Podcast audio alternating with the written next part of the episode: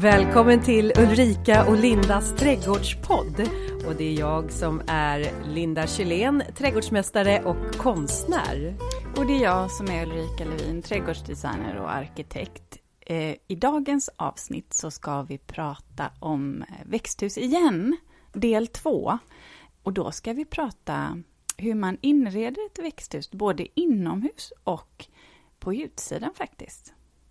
Det finns mycket, många sätt att göra det på, gör det ju. Så att, eh, det här... du, du, får stänga av ditt plingplong där, Linda. Ah, alltså. Dina aviseringar. Vi pratade om det här i förra podden, du ska inte ha... Nej, jag vet, jag vet. Ja, du, nu blir du helt okonstigt. Ja. Nu är du inte i fokus, Linda. Nej. Usch, nu börjar du låta som mina barn och min man. Ja. De tycker att jag är så här tonårsunge hemma som hela tiden håller på med min telefon. Jag måste lära mig. Så. Ja, okej. Okay. Ja, okay. Förlåt, förlåt, ja. förlåt, förlåt. Tillbaka till programmet. Ja. Linda, ja. vad har du gjort på sistone? Ja men herregisses vilken, eh, vilken eh, vecka jag har varit med om. Jag är ganska manglad ska jag säga, för att jag har gjort något jag aldrig tidigare har, har pysslat med. Jag har gjort livesända Ja, livesändningar. Jag har jobbat för ehm, eh, och varit så inspiratör och pratat om orkidéer på Facebook-sida. Och det här var ju en stor utmaning hemma i vardagsrummet. Eh, och eh, eh, jag menar, ska man filma med telefonen stående eller ska man ha den liggande? Ja, vem vet? Det är en livesändning. Hur testar man det här innan man går ut i sändning? Och jag hade inte riktigt koll på det där och så fick jag kanske lite, lite tips om att ha den liggandes, vilket jag hade. Och då blev det istället att det var ju fel, så då var min man tvungen där att ändra det här äh, mitt i sändningen och jag hamnar på upp och ner och, och sen hamnar jag på sniskan. Så när den här, alltså det var helt kaos var det verkligen. Och sen när livesändningen var klar, då blev jag kallad efteråt när jag pratade med vänner. De bara, aha Linda, Linda på sniskan. Och när vi väl då rättade upp det där då, då så att det blev stående läge. Jag hade ju byggt upp själva studion, alltså vi snackar i vardagsrummet. Det hade jag ju byggt upp då för liggande. Ja. Bara det när vi ändrade det här till stående, då blev det ju väldigt avslöjat att jag hade höjt upp bordet med böcker. Ja, att jag stod ja. med strumpläster. Att ja, jag precis. Men du hade byxor på dig. ja, du, jag var bara tvungen men gud, hade jag byxor på? Hade jag ens knäppt byxorna? Men. ah. Och sen så visst, ja, men det, det var en, eh, är ni lite nyfikna på hur min första livesända Facebook-sändning gick till?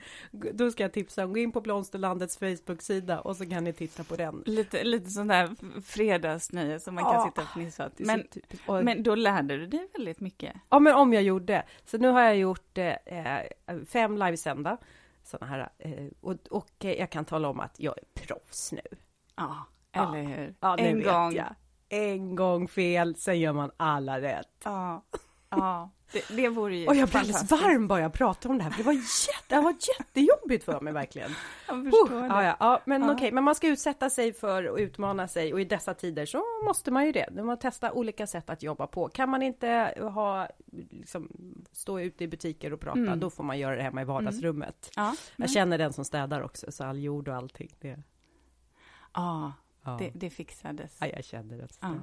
Ja. Ha, Okej, du då Ulrika, vad har du gjort? Um, det är jättemycket jobb. Det, här, det kommer jag väl säga varje avsnitt. Uh, men jag, dels så, ja men det, jag har väldigt roliga jobb på gång nu. Det säger jag också hela tiden, men jag tycker faktiskt det. Men så här var det i, igår, um, så var jag hos en kund som jag ska hjälpa med um, ja, jag ska hjälpa till med ett, ett, en altan eller terrass i alla fall. Och precis när jag ska gå, när vi har suttit och tittat lite på inspirationsbilder som hon tycker om, för hon vill visa vilken stil, eh, eh, så säger hon så här till mig, Ulrika, jag bakar ditt fröknäcke flera gånger i månaden, hela tiden. Och jag, ah okej. Okay. För det är nämligen så här att jag har ett fröknäcke som jag bakar och det receptet har jag eh, lagt ut på Pinterest. Det finns också på min hemsida under inspiration där. Eh, så hon hade hittat det på Pinterest och det här är så roligt för vi skrattade så åt det här för att jag är ändå trädgårdsdesigner och arkitekt och min absolut populäraste pin på Pinterest är fröknäcket. Ja, och så sa hon det, men då, hon pimpade faktiskt det och eh, använde tranbär i också, så det tänkte jag, det ska jag faktiskt testa. Det blir ett lite sötare knäcke då. Ja. Eh, men jag tänkte det kan vara gott till lite grönmögelost. Ja, det är det. Sen kan jag alltid, sen är jag alltid lite försiktig ibland med torkade frukter för tändernas skull, eftersom barnen äter det också. Det fastnar ju, fastnar ju i tänderna. Ja. Var det där fröknäcket, åt jag det när vi åt lunch ja. hemma hos dig? Var det det? Ja. Det där som det bara fanns ett litet kvar av och jag bara, åh gud ja. vad gott och så ville jag ha mer och då fanns det inget mer. Nej. Var det det knäcket? Ja. Jag måste gå in på Pinterest och kolla. Ja, vad söker jag på? Göra.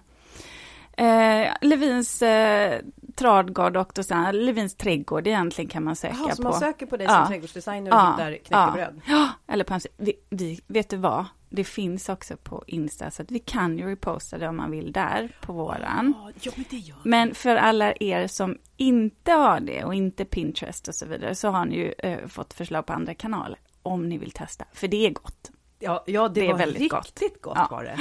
Så, Ja. Det fnissade jag. Men du, ja. Nu... Eh, nu är jag varm i kläderna känner jag. jag nu uppvärm. kör vi på ämnet. Ja. Ska vi prata inredning av växthus? För att så här är det ju, när man ska inreda sitt växthus så är det ju ändå så att de funktioner som man önskar få in, eh, få in eh, i sitt växthus, det kommer ju också styra inredningen.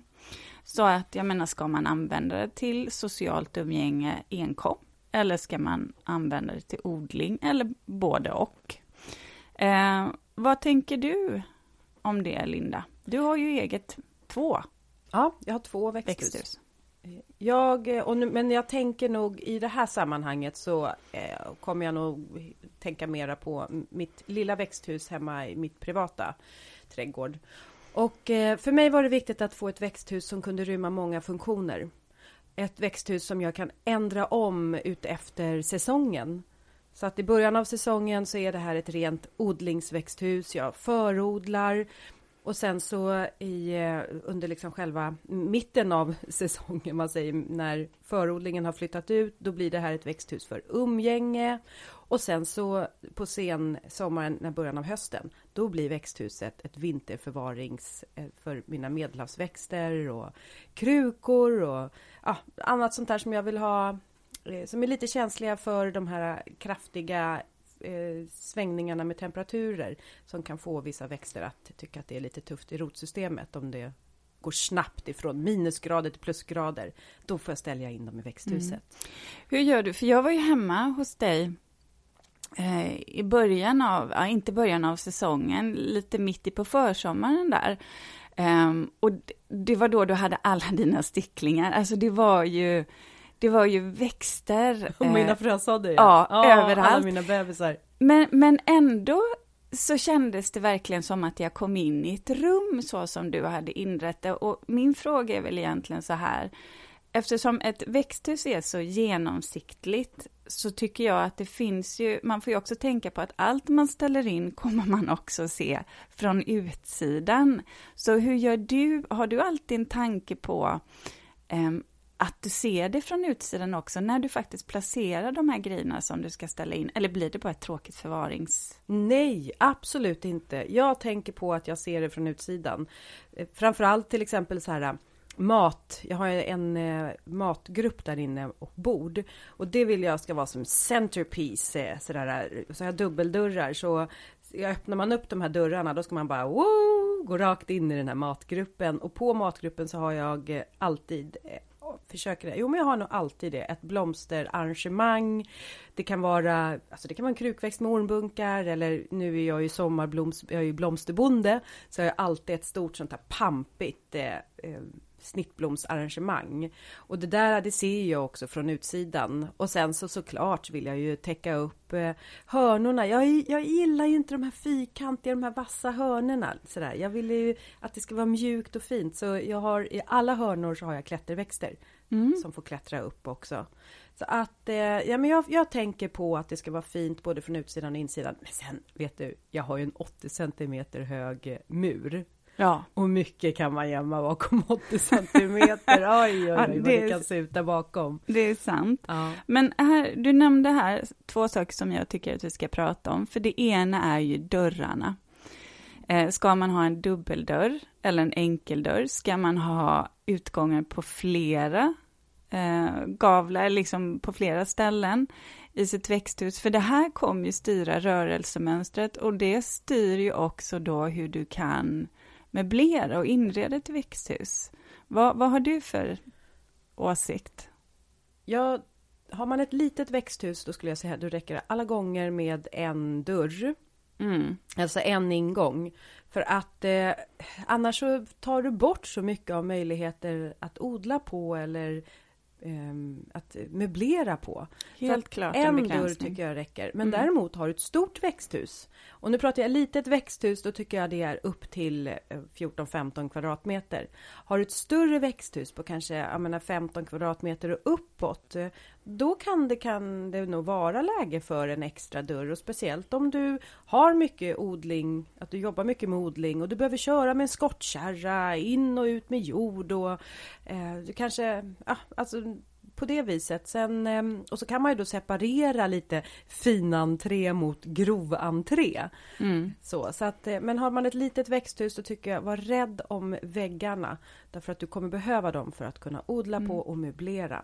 Och jag kan nästan tycka att vi ska komma upp i 25-30 om vi ska ha fler ingångar än en.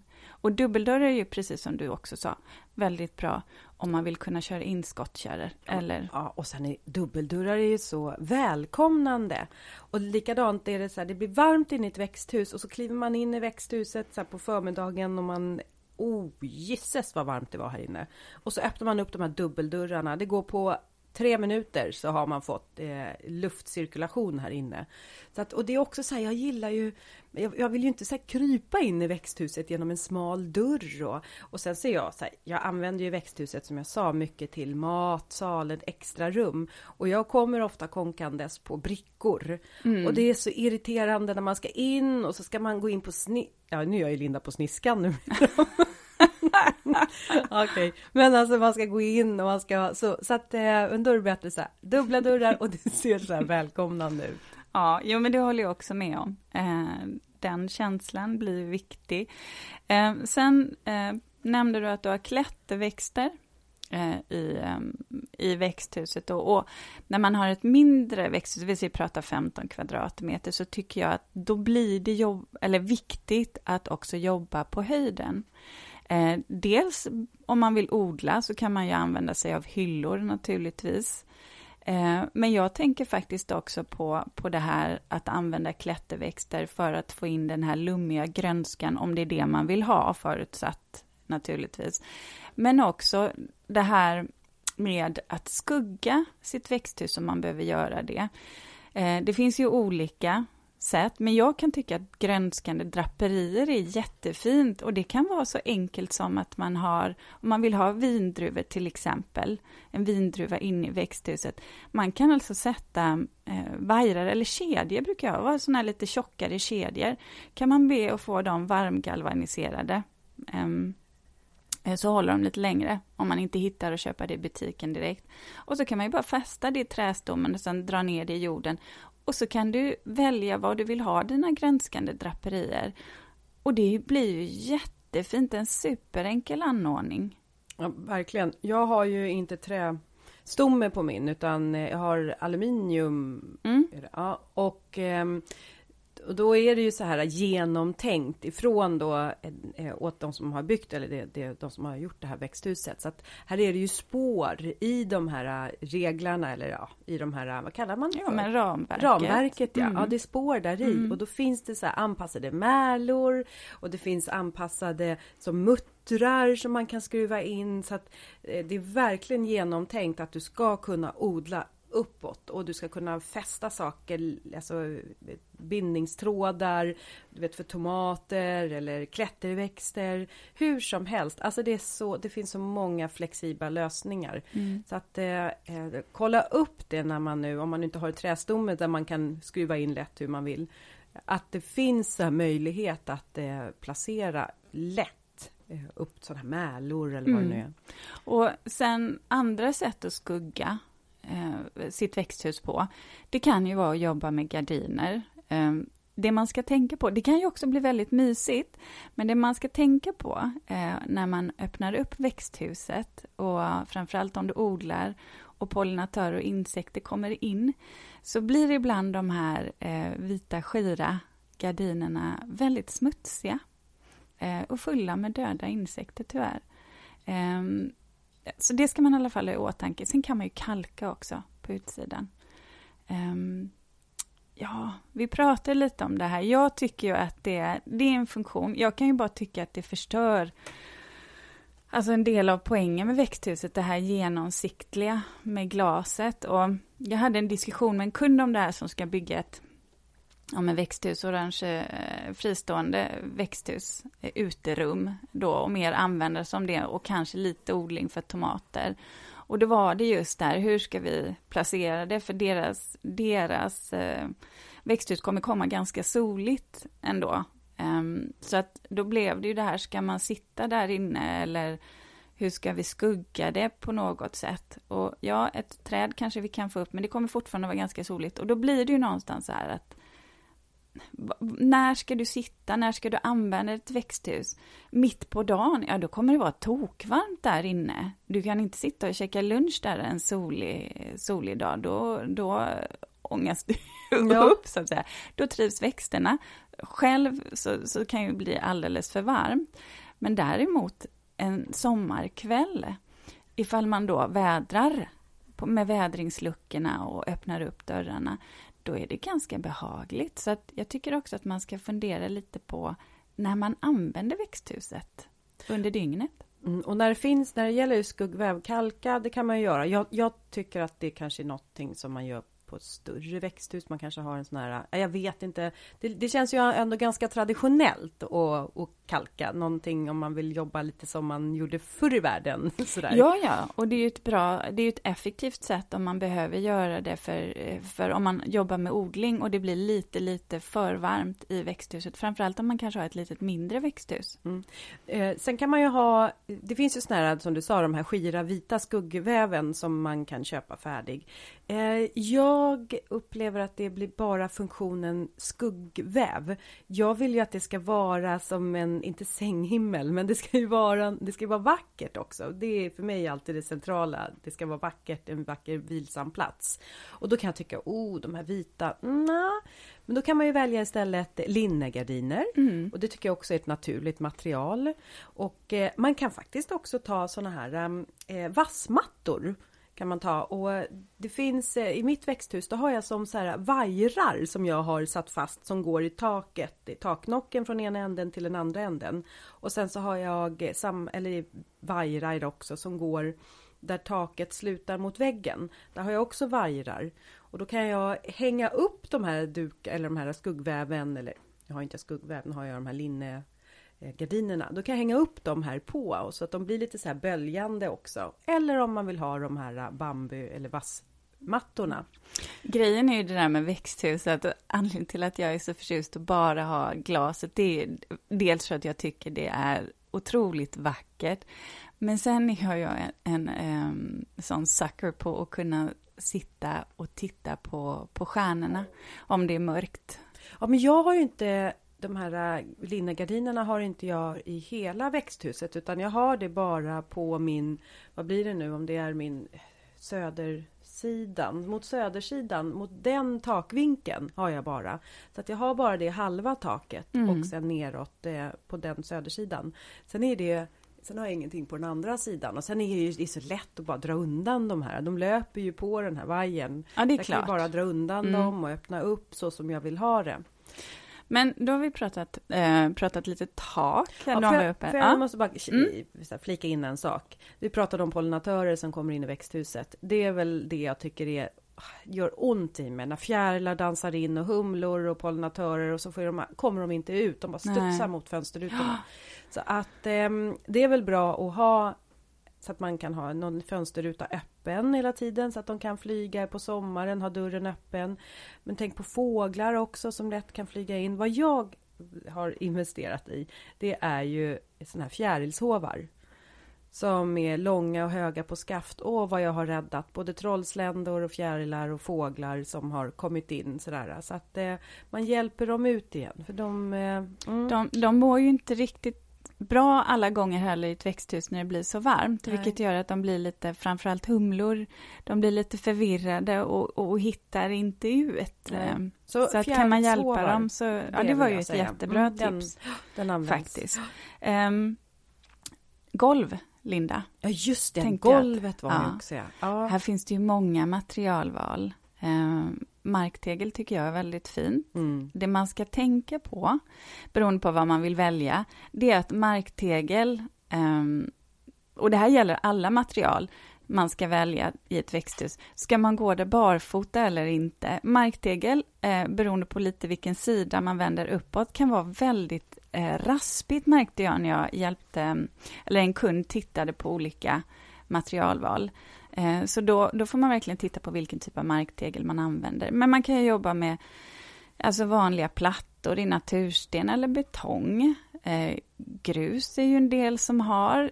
Det kan jag tycka att det kan bli lite knepigt eh, ifall du jobbar mycket med odling när, ja men du vet, det drösar ju ner en del jord. Mm. Eh, trä det är också så här, det beror ju på vad man har under, men, men det blir... Det och kan vad bli du ska lite... använda växthuset till, för det... jag menar odling och ja. träd, det, det, blir algbildning och Ja, det blir och... ju fuktigt, ett växthus är ju lite fuktigt. Um, vad har du? Du hade ju jordstampat golv just nu va? Ja, eh, just nu så, ja, jo, eh, just nu har jag, eh, nej men alltså just nu har vi ju den här gruset eller det här makadammen nästan. Jag var ju så ivrig på att flytta in i växthuset så att, oh, min man han bara suckade och sa Linda, hold your horses, kan vi inte bara göra det klart med att putsa väggar och mur och lägga in ett golv? Eh, nej, jag ville odla på en gång så att eh, vi har inte hunnit med att lägga in golvet. Men vad vill du ha då? Ja, vad vill jag ha? Ja. Jo, jag, jag skulle gärna ha Eh, marktegel. Tycker mm. jag är jättefint. Mm. Jag skulle, alltså det jag är ute efter det är ju färgen. Jag vill ja. ha det här roströda, det är engelsk sjösten. Och eh, jag har även tittat på Ölandsten, men då säger min man att det är alldeles för knepigt att lägga Ölandsten. Och dessutom, eftersom vi kommer ha, vi har växthuset som ett uterum, så blir det lite så här, oh, Linda på sniskan. Ja, Uh, åh, det är nästan så jag skulle ta med en liten snutt tegel uh, från en av mina kunder. Ett sånt här jättelent, uh, härligt, i precis den färgen som jag tror att du vill ha. Ja, men gör det! Ja, Ta med det, det, det får jag göra. Jag det får jag göra. Mm. Ja, jag låter mig inspireras. Nej, ja. men vi kommer lägga golvet, det blir till nästa år och då ska vi väl försöka göra det innan alla mina frösådder och bebisar flyttar in i växthuset. Fasta odlingslådor eh, kan man ju sätta in. Mm. Eller, lösa ja. odlingskärl. Ja. Vad väljer man? Ja, jag tycker att det handlar lite om vad man vill få för känsla, återigen, och hur mycket man vill pyssla. Vad menar du med känsla? Jag tänker mig så här att om man kan ta, nyttja en del av väggen, om man nu har mur, det här förutsätter ju mur, eh, om man nu har då eh, väggar där man kanske vill få lite mer insynsskydd som vi pratar om, grönskande draperier, alltså väx, låta någonting växa på höjden och få det här lite lummiga så kan jag tycka att fasta odlingslådor är väldigt bra för att då får du lite större jordvolym faktiskt. Och Eh, Speciellt om du odlar fleråriga växter, det ja, här persikoträdet då, som precis. du inte behöver byta eh, jord på utan att du har det. Men däremot, eh, man måste ju vara också eh, ganska bestämd på hur man, alltså veta hur man kommer eh, möblera det här växthuset. Och det kan jag säga att jag har mina 15 kvadratmeter och jag har möblerat om det tror jag på ett år, fyra gånger kanske. Bara, ah, kanske åt det här hållet, nej men jag kanske ska flytta byrån hit, dagbädden där och jag vet inte riktigt, jag har liksom inte landat i min möblering. Och tänk om jag då hade valt fasta odlingskärl, eller alltså murat upp redan. Um, det hade ju... Ah, nu får Förlåt, vi nu får vi besök. Oj. Ska vi se här. Ja, Ester, du stannar där. Ja, Ester ligger och sover. Det var därför. Ja. Ja, det löser sig. Det löste sig. Ja, nej men så därför ehm, kan jag känna att man måste vara bestämd över hur man vet hur man kommer använda sitt växthus och det vet man kanske inte om det är ens första växthus och då tycker jag att man börjar med lösa odlingskärl och sen så bestämmer man sig efter ett år eller två. Om det inte är så att man jobbar med en väldigt skicklig trädgårdsdesigner som eh, har ganska bra koll. Exakt, för det Jag- var det. Jag, jag du såg, du såg dig. min, Du hela bara, mitt "Ah, tack." kroppsspråk. Ja. Var, var, nu, nu, nu håller jag inte med. Nej men grejen är, det är ungefär som att säga så här, mm, jag vet inte var jag ska sätta mitt kök, jag får fundera. Ibland så måste man ju bara ha en plan. Ja. Men jag håller med. Ja. Planen måste finnas. Då måste man vara väldigt klar över Mm. vilka funktioner man vill ha. Ja. Eh, eh, Får jag också säga så här, jag, vad jag har valt i alla fall, det är, eh, jag har så här rottingkorgar. Rottingkorgar, för att jag vill att det ska vara den här naturliga känslan, så jag har rottingkorgar med handtag på. Och de här, de rymmer, alltså de rymmer säkert 30 liter jord, det gör de. Så det är ganska stora, om inte ännu mer, kanske 40 liter jord. Eh, så de är ganska stora korgar, men det gör ju också att eh, jag kan plantera mina tomatplantor, eller min klockranka, svartöga, sommarblommor, meloner. Och jag vet att här behöver inte rotsystemet stå och trängas. Och sen så kan jag också fästa mina uppbindningssnören i de här handtagen. Så att det blir så här, jag förankrar dem i själva rottingkorgarna. Och sen så kan jag liksom ja, möblera om det där lite. Ja, och det där med stora kärl, här kan man ju jobba med ekfat, eh, du kan jobba med, eh, där kan du hitta sådana som är, du vet, upp till 90 centimeter i diameter. Det blir ju rejäla eh, kärl. Men kortenplåt, om du vill ha lite större, de kan man ju faktiskt be en smed tillverka. Eh, så det finns ju alla möjligheter om man vill ha lite större växter i sitt växthus också, kanske för känslan bara. Jag hade en tanke att vi skulle mura upp längs ut med långsidan på vårt växthus en eh, odlingsfassa odlingsbädd. Men att den skulle bara vara så bred som en eh, jordsäck är, är bred. Sådär, så att man skulle kunna ställa den på sidan i den här odlingsbädden. Och sen så behålla då själva påsen. För att ofta så kan man behöva då byta ut att om inte all jord om man haft en skadegörare så hälften av jorden för det är så mycket rötter i. Så då kan man bara sätta ner de här äh, jordsäckarna här i. Det är liksom som att man, det är som i brödrosten, man sätter ner jag vet inte var jag fick den liknelsen ifrån, men det är lite så här sätta ner dem så här på höjden eller på sidan. Och sen så öppnar man upp eh, och så planterar man där i och sen på hösten så kan man plocka upp hela den här jordsäcken. Ah. Ja. Mm, Alltså du har, du har dina grejer Linda. Jag har mina grejer ja. Ja. Du, något annat som vi pratade om också, det är ju det här att odla på höjden och eh, hyllor. Ja, Ja.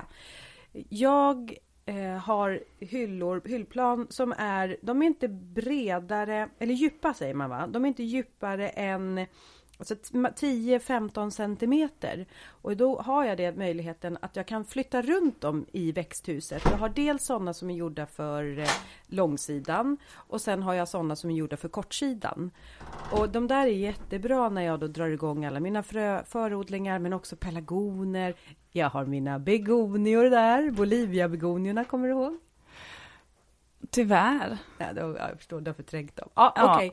Eh, ja, men i alla fall, så här, då kan man ställa de krukorna där. Och det är så smart därför att då kan man vattna, man behöver knappt vattna i krukan, man vattnar på den här hyllan. Och sen så får växterna själva suga upp vattnet. Eh, och sen när eh, den här förodlingssäsongen är över, då häktar jag ner de här vägghyllorna och sen så ställer jag dem utomhus. Och jag har också en sån här odlingsbänk som kan löpa från ena kortsidan till den andra kortsidan som jag också kan plant eller så här placera och den är 50 djup är den.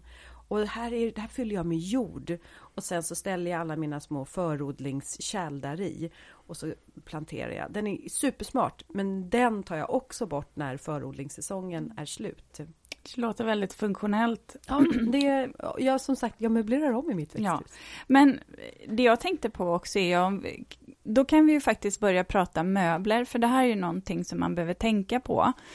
Eh, när man väljer, alltså dels kanske vilka möbler som ska in, men också vilket material man väljer. För att det man ska tänka på när man väljer ett växthus, det är ju att det blir fuktigt där inne. Vissa möbler som till exempel om man skulle köpa en eh, grupp av rotting till exempel, eh, kommer inte hålla så himla länge. Jag tycker oftast att trä eller metall är att föredra faktiskt, just av den Eh, på grund av det och eh, att det bleks. Färgerna mm. där inne. Ja, färgerna bleks gör det. Mm. Men eh, eh du hade ju också eh, något som du ville prata om, för du, du har, när vi ändå pratade det här med arbetsbord, det tyckte ju du, det vill du ha in. Ja, jag, jag bara säga en sak när det gäller eh, stolarna här mm. bara, eller möblemanget. Det är jättesmart, tänk lite som när man inreder en balkong. Att man vill kanske så här, plocka undan stolarna, ha hopfällbara stolar som man kan hänga upp på väggen eller ta stolar. I, vad va, menar du i glashuset? Ja. Ja, ja, du kanske tänker i och för sig, man kan ju faktiskt ha en täckt vägg så där det skulle vara möjligt. Ja. Ja. Ja, men ja. Eller? Jo, jag tänker faktiskt att man kan, men det, man har ju snygga möbler liksom. Ja. Ah, ja, okej. Okay. Ja, men vi... hopfällbara saker i alla fall. Petitess. ja, ja, vi fastnar där. Mm, hur, vi, hur tänkte du nu, Linda? Ja, ska. Vi, ska vi? Nej, fortsätt. Jo, men och sen så även eh, de här uh, fåtöljerna. Att fåtöljerna ska vara stapelbara. Så du kan, man kan stapla fåtöljerna även på varandra, de här rottingfåtöljerna. Jag, jag tänker nästan tvärtom. Jag, förlåt. Men Ester. Oh, Ester, det doftar inte så gott nu. Jag tror Ester behöver gå på promenad. Oh, vi får rappa på. Oh. Eh. Nej, men så att, tänk stapelbara, ja. tänk att man kan eh, sätta ihop dem. Ja. Och sen eh, eh, även en pall som man kan klättra upp på, eller en stege. Så att man eh, kan kliva upp två, tre steg, så att man når upp till att binda upp växter och eh, kanske vattna växter som står lite i en ampel. Mm. Sådär. Så att en pall, någonting som du kan mm. klättra upp på. Det jag skulle säga innan, innan eh, Ester släppte väder här, det var ju faktiskt att... Eh, Hon kommer jag, till dig nu. Ja, precis. Jag kan, jag kan tycka att man kan också tänka tvärtom, inte, inte små möbler. Funktionellt så som du beskriver, ja. Men man kan ju också tänka så här att om man nu sitter där väldigt ofta så blir man ju, min upplevelse, eh, sittande där i växthuset länge. Och då Absolut. kan det vara så himla skönt att ha lite goa stolar och nästan lite fåtöljer att sitta i. Men välj rätt material då. Tänk på det. Mm. Mm. Och nu ska vi prata planteringsbord då? Ja! Ja, planteringsbord tar vi. Planteringsbord är ju verkligen det, det är A och O att ha inne i växthuset. Men ty Så, tycker du det? Ja, det tycker jag. Ja. För jag, jag, jag men allt ifrån att jag gör alla mina omplanteringar där inne Eh, med jord som, och så, frösådder, jag beskär växterna, jag arrangerar mina snittblommor. Eh, allt sånt står jag där inne och gör och ett, ett väldigt bra planteringsbord. Dels så vill du ju ha höjden på det. Jag vet inte vad man ska säga, arbetsby som arbetsbänk. 90. 90 va? Mm. Ja. Och sen så att Och minst man... 60 ja. i djup behöver du ha. Ja, och gärna en, eh, en skiva som är i plåt eller någonting så att du lätt kan spola av eller borsta av och inte att när du ställer en vas därpå eller krukan att den eh, eh, kan liksom om man har spjälor så ramlar den lite på sidan sniskan igen. Jag vet inte, mm. är det en röd tråd här eller? Eh, utan att man har en, en skiva som är så att du kan ta, torka av. Men också att man har ett hyllplan där under där du kan ställa eh, näringen, du kan ha din, en vattenkanna, uppbindningssnö, alltså allt sånt där lättillgängligt. Och vill man inte ha det synligt så har man ju skåp under sitt arbetsbord. Ja.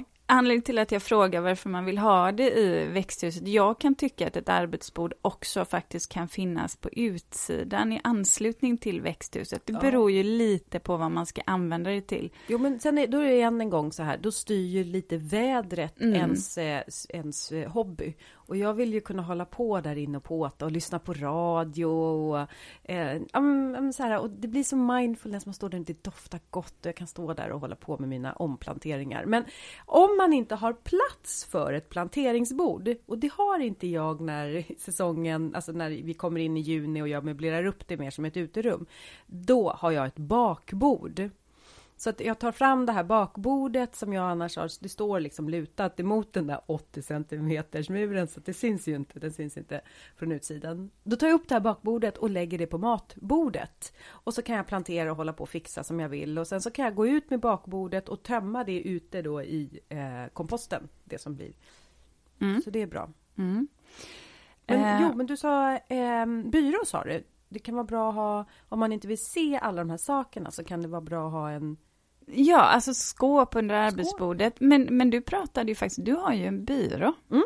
Mm. Jag har en byrå inne i, den är en byrå men den är så här i rotting är den. Det är en träskiva och sen är det rotting så att den, den är liksom inte en 1700-talsbyrån kanske det funkat också. Men det blir ju fuktigt där inne så man måste ju tänka på att har man till exempel lådor eller man har skåp så fuktar det till sig så att de inte kilar fast sig utan eh, det ska ju vara lite anpassat för det här eh, eh, ja, miljön.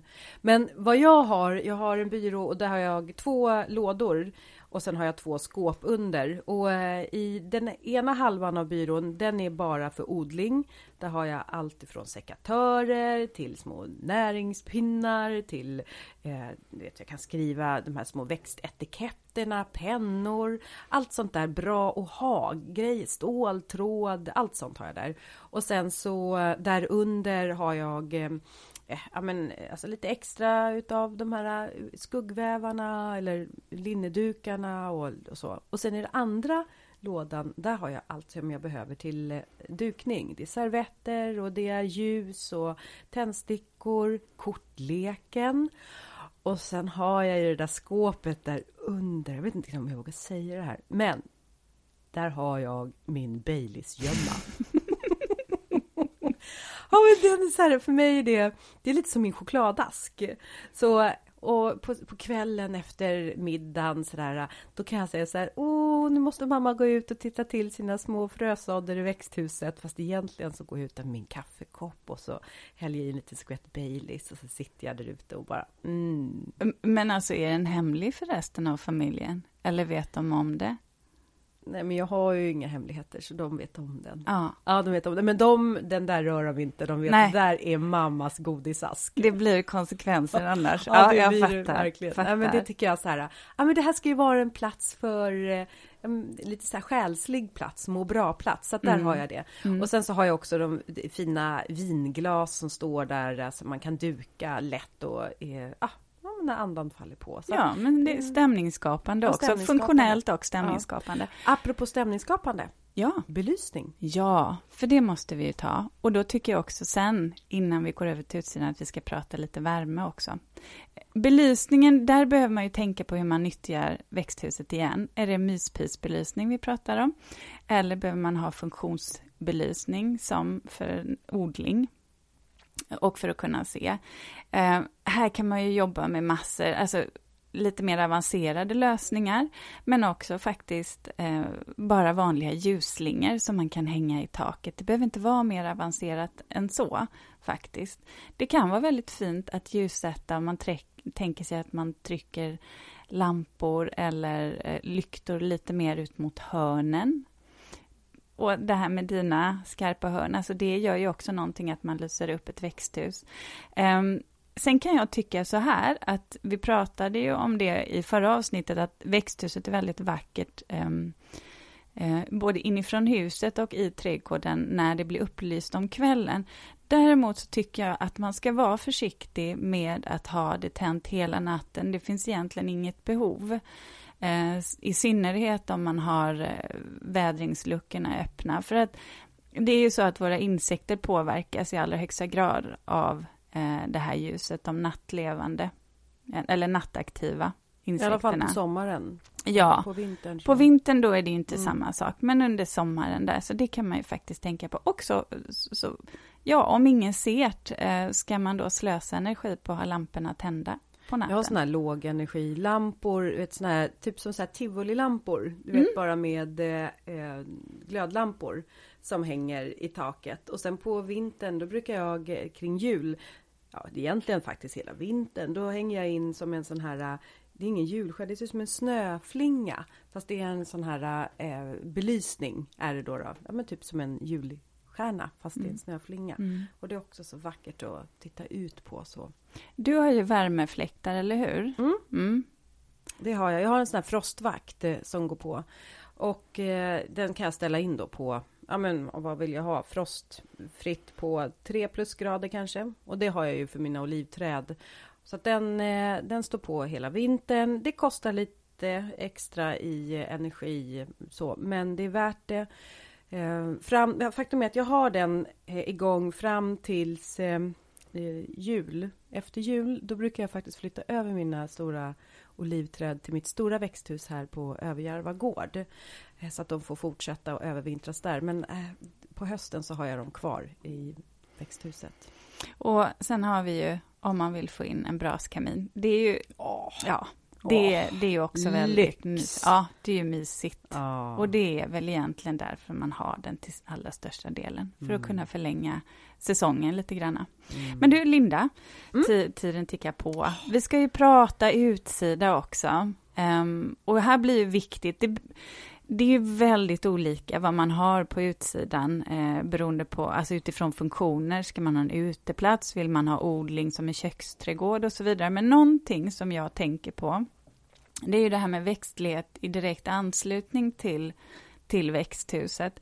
Jag brukar ofta eh, lägga ja, men en grusad kant eller sten naturligtvis, lite beroende på vad jag jobbar med, eh, runt växthuset så att rabatterna kommer en bit ifrån, kanske någonstans minimum 35, ibland upp till 50 centimeter. Och det är ju för att man ska kunna dels kunna gå och liksom tvätta växthuset, glasen, eh, på utsidan, men också faktiskt för att eh, när det regnar och växterna är diktan växthuset så, och man inte har någon mur Eh, eller även om du har mur, men om du har en ljus mur, så är det ju så att jorden skvätter ju hela tiden upp då. Så jag kan tycka att det finns en poäng att få bort liksom själva planteringsytan från växthuset, de här centimeterna som jag nämnde. För sen kommer ju växtligheten yva över sig, så att de döljer ju nästan i slutändan det här gruset. Men, men som funktion så tycker jag att det är bra.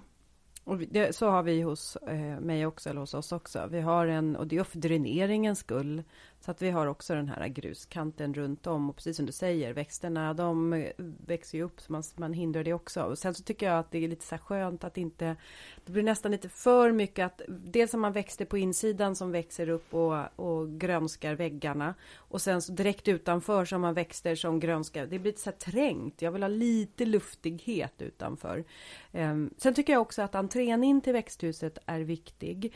Jag själv vill att det ska vara som mer en, en liten piazza eh, på utsidan, en öppen eh, yta. Så att man kan öppna upp de här dubbeldörrarna och man kan stå där ute på altan och kanske ja, men stå och mingla lite innan man går in i växthuset. Är det varmt ute i växthuset kan man flytta ut en av fåtöljerna och sätta sig utan, utanför på den här piazzan.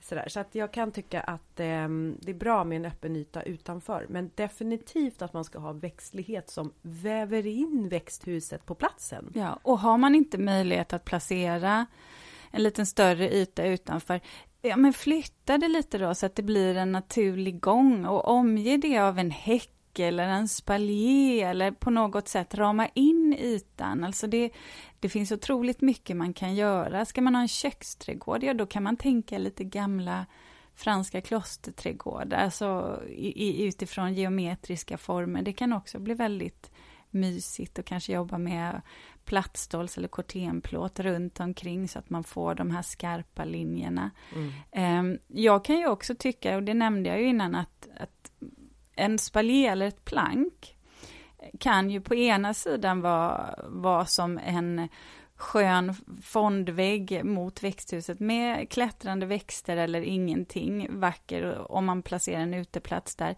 Men på andra sidan kan man ju faktiskt välja att ha Komposten? Ja, komposten.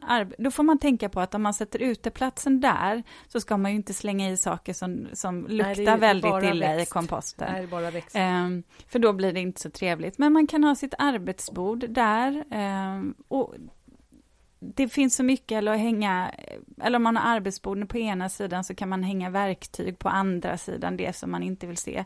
Det finns eh, jättemånga idéer eh, kring hur man kan jobba med utsidan där. Mm. Hade du någonting mer kring utsidan? Nej, det hade jag inte. Jag tänkte på också bevattningen mm. inne i växthuset. Där är också olika, det finns så många olika varianter utav bevattningssystem och eh, det, jag tror att väljer man ett bevattningssystem så då får man nästan göra en ordentlig research där vad det är för något man vill ut. Det finns ju så mycket tekniska varianter. Du kan styra dem med din smarttelefonen och du kan ju befinna dig nere i jag menar, Italien och ändå sätta igång bevattningen i växthuset och ha kameror som har koll på dina växter. Sådär. Jag, eh, jag är ju lite gammeldags där så att jag vill ha, jag vill göra lite kontroll på hur mycket vatten jag ger till mina växter så att jag, jag vattnar faktiskt med vattenkanna. Då vet jag så här, okej, okay, nu har de fått 10 liter vatten. Bra.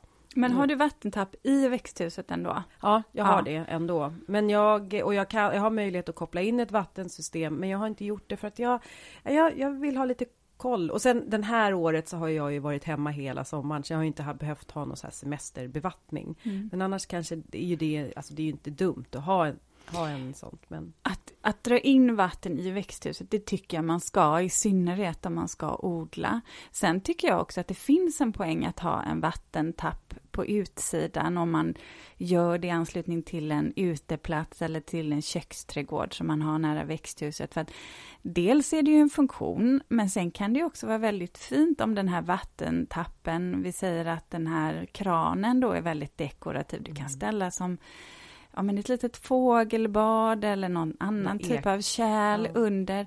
Dels får du in vatten då för, för insekterna, men också för att det blir lite mysigt. Så att, um, ja, allt i ett kan man väl säga. Ja. Um, vi kommer ju ha uh, del tre när det gäller växthus, men det blir lite längre fram och jag tycker vi håller på det, vad, vad det avsnittet ska innehålla. Uh, så att nu tänkte jag fråga dig, Linda, har du någon reflektion för veckan? Ja, det har jag. Jag var ute och tog, eh, eller jag tar ju dagligen hundpromenader med, med Ester. Eh, och nu här var jag ute och gick på, eh, en, på vägen som leder ut ifrån Överjärva gård och då singna, singlade det ner lönnlöv så här precis framför mig och jag, då slog det mig att eh, jag är inte riktigt där ännu. Jag tittar på de här löven och bara, men gisses, nej men det är ju höst nu. Vi är, det är ju inne i oktober. Men för mig, alltså du såg min sommarblommor när jag går och plockar mina sommarblommor och jag har inte riktigt hamnat i höstläge. Och så, men det blev så tydligt när det här lönnlövet så här singlade ner. Och då funderar jag lite på, var befinner jag mig? Lever jag här och nu? Eller alltså, har jag svårt att släppa taget om det som var? Och och, eh, och sen faktiskt också, än en gång, jag vet att jag tjatar om det här, men min, min häst är, har jag fortfarande inte fått börja rida på, så vi är fortfarande inte ute på våra skogsturer. Och det är också så här, jag blir så... Det är så ovant för mig att inte hänga med i naturens skiftningar. Alltså jag går fortfarande omkring i mitt sommarblomsland och plockar rosenskäror och... Men det har ju varit varmt. Ja, det har varit varmt också. Mm. Men, eh, nej, men, jag, och, men nu är det ju så här, jag måste höja blicken och titta upp på lönnen och bara bli bländad av att, jo just det. Framförallt så kanske du inte kan gå i shorts längre. Nej, jag, vet du vad? Igår plockade jag undan min sommarklänning, för den hade hängt på liksom, i alltså här, där, på dörren in i vårt sovrum i två veckor utan att ha använt den och då tänkte jag, ja, ah, hej då då. hej då okay. då. Ja, ja så är det. Ja. Så att, eh, jag, jag reflekterar över att hösten är här, men jag är inte redo. Nej. Ja, och, och du då Ulrika, du har alltid sådana spännande, stora reflektioner. Ja. ja och gud, nu sträcker du på det också. Ja, Okej. Okay. Jag... Vad kommer det komma nu då? Um, nej, Högt men, och lågt? Ja, ja verkligen. Eh, lågt brukar jag väl inte ha? Nej, nej, nej. men jag tänker att jag, jag gör lite mindre spaningar. Jag vet inte, du gör så höga spaningar. Okej. Okay. Ja, låt ja, höra. Det kanske höra. inte det här blir, men vi får se. jo, eh, jag lyssnade nämligen på ett radioprogram eh, om eh, de eh, människorna som eh, drabbas av covid-19 och som behöver läggas i respirator, eh, de, de Ja, men det blir en kemisk sömn för dem, vilket gör att de kan drömma väldigt, eh, alltså drömma många mardrömmar och börja hallucinera, bli väldigt förvirrade. Oh, så obehagligt. Eh, och jag, jag minns, jag, jag, nämnde ju det att jag har ju haft hjärnhinneinflammation. Eh, och då blir man ju också lite förvirrad och det är ju förknippat med väldigt mycket smärta. Um, och jag vet att när jag då somnade där, um, när, man när jag hamnade i drömstadiet, så hade jag sådana fruktansvärda mardrömmar som, som inte går att beskriva. Jag har aldrig haft den typen av mardrömmar tidigare och de var väldigt våldsamma. Så jag blev jag blev liksom biten, knivstucken, slagen, dränkt, strypt, skjuten, allt sånt där. För att grejen var ju att min hjärna skickade ut nervimpulser så att det kändes ju som vissa av mina lemmar bara brann. Det, det blev, det blev helt fel där uppe. Mm. Um, och, och det här, till viss del så, så kan det här uh, fortfarande sitta kvar. Jag kan vakna av uh, eh, ganska mycket ångest, alltså panik, för jag vet inte, jag kan inte komma ur det här mörkret, alltså det här mörkret jag är, för så upplevde jag det när jag drömde då när jag var sjuk, att hur jag än försökte vakna från den här mardrömmen så gick det inte. Jag vet att jag i drömmen skrek min mans namn. Väck mig, väck mig, väck mig. Men fruktansvärt! Ja, för jag hade också så, så vansinnigt ont. Och så att jag, jag kan fortfarande vakna av det här. Eh, eh, var, var väldigt desorienterad och eh, skräckslagen. Och sömnen som ska vara så här behaglig och man bara, ja. åh nu, då vaknar du upp efter ett maratonpass ju nästan. Ja, lite så. Jag skrämmer slag på min man ibland också. Oh. oh, och, och, och det är just det jag tänker på, det är just den här känslan vara fångad i mörkret. Um, och, och, inte komma inte kunna komma därifrån, inte hitta någon väg ut. Och det är en sån otroligt jobbig känsla. Eh, och sen kan det ju också hända knasiga saker, för att vi var, eh, vi var på ett hotell eh, och jag eh, somnar och vaknar av, för då körde en motorcykel på utsidan. Det vet inte jag om. Men jag i drömmen tror att det här är en maskin som ska komma och demolera vårt hus. Jag måste få ut mina barn ur huset. Jag får panik och ni vet på hotellrum, det är ju verkligen, det är ju beckmörkt när man drar för de där mörkläggningsgardinerna. Så jag rusar upp mot det enda, den enda ljusstrimman jag kan se, vilket är borta vid dörren. Slänger upp dörren, springer ut och, och vakna till av liksom att det är väldigt ljust där ute och inser att här står jag i en hotellkorridor, spritt språngande, naken. och känner mig väldigt glad att jag fortfarande har handen på handtaget så att den inte går igen. Så jag kan säga, jag lärde mig att jag sover inte naken på hotellrum längre. Vi är väldigt nogsamma när jag sover borta, att det inte är Ja, jag, det får inte vara trappor jag kan trilla ut för, det får, det får inte vara saker som, som kan göra Nej. så att jag blir, gör mig illa, för jag blir helt, jag är, jag är någon helt annanstans. Men. Så det har jag tänkt på mycket. Oj, oj, oj, vad, vad jobbiga nätter, vad, vad det händer mycket på nätterna hos dig alltså. Ah, jag, jag, jag, ligger, jag ligger bara så här. Ja, du var ju bra på att sova hörde jag. Ja, jag mm. sa att jag är världsmästare. Nej, men jag, ja. jag är... Tack för det säger jag. Jag vet att det är, det är inte alla som har det så. Men, men det handlar nog om att jag är ute mycket och jag inte har drabbats av någon alltså hjärninflammation eller det här som alltså, du sa, den kemiska mm. sömnen eller i obalans. Utan, men det gäller att, att hålla kvar balansen, gör det. Eller springa jäkligt mycket. Det, det kan jag säga. Det, det hjälper faktiskt. För ja. då, då är jag trött, det kan jag säga. Ja. Linda, eh, tack för ett trevligt samtal. Ja, men tack själv och tack för att ni lyssnar på våran podd. Vi har ju vårt Instakonto eh, Ulrika och Linda. Där får ni gärna följa oss och lyssna nästa vecka igen. Ha det bra! Ja, ha det bra. Hej då på er! Ska du ut och springa nu eller? Ja, jo, ja, men jag ska faktiskt det. Jaså? Ja, men sen tar vi helg va? Ja, jag tar nog helg. Jag ska inte ut och springa. Jag, jag ska nog gå ut och åka lite mer.